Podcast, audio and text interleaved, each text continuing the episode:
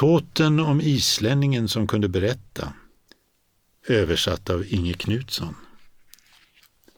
Den finns bevarad i handskrifterna Morkinskinna, Hulda och Rockinskinna. En längre självständig version förekommer i senare pappershandskrifter. Översättningen bygger på texten i Morkinskinna.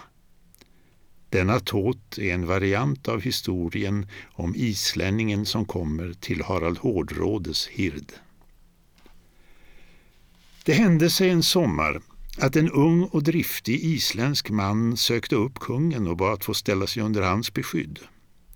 Kungen frågade om han kunde något och han påstod sig kunna berätta. Då sa kungen att han skulle låta honom stanna men att det var hans skyldighet att alltid underhålla den som bad honom om det, vem det än var. Det gjorde han och blev uppskattad av hirdmännen som gav honom kläder och kungen överräckte vapen till honom. Så närmade sig julen. Då blev islänningen dyster till sinnes. Kungen frågade hur det kunde komma sig och han svarade att det berodde på att han var ur lynne. Så kan det inte vara, sa kungen. Men låt mig gissa. Jag tror, sa han, att du inte har mer att berätta nu.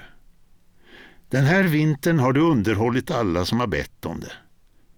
Nu tycker du inte om att stoffet tryter för dig när det snart är jul. Det är som du säger, sa han. Jag har bara en berättelse kvar och den törs jag inte berätta här eftersom den handlar om dina resor utomlands. Kungen svarade Det är den berättelsen jag mest av allt vill höra. Men du ska inte berätta något före jul eftersom folk nu är upptagna med annat. Men på juldagen ska du börja och ta en liten bit av berättelsen bara. Jag ska se till att den varar lika länge som själva högtiden. Folk dricker mycket när det är jul och sitter inte så länge och lyssnar.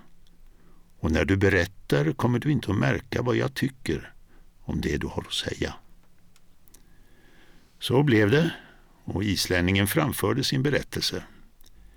Han började på juldagen, berättade en stund, men kungen sa snart åt honom att sluta.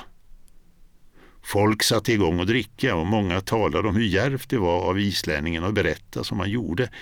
Eller också frågade de sig vad kungen skulle tycka om det hela. Några ansåg att han berättade väl, medan andra tyckte att hans framförande var mindre lyckat. Så fortsatte det under julen. Kungen var angelägen om att folket skulle lyssna uppmärksamt och tack vare att han ingrep blev det så att berättelsen och julhögtiden slutade samtidigt. På trettondagsafton, då islänningen hade berättat färdigt, sa kungen är du inte nyfiken, islänning, att få höra vad jag tyckte om din framställning? Det vill jag helst inte få reda på, herre, svarade han. Kungen fortsatte. Jag tyckte mycket om den och den var inte värre i något avseende än ämnet tillät. Men vem lärde dig berättelsen? Islänningen svarade när jag var hemma i mitt eget land brukade jag bege mig till tinget varje sommar och där lärde jag mig ett stycke i taget av Halldor Snorrason. Då är det inte så underligt, sa kungen, att du kunde den så väl. Du har gjort stor lycka med den. Du är välkommen att stanna här hos mig och jag skänker dig allt du vill ha. Kungen försåg honom med goda handelsvaror och han mognade till en dugande man.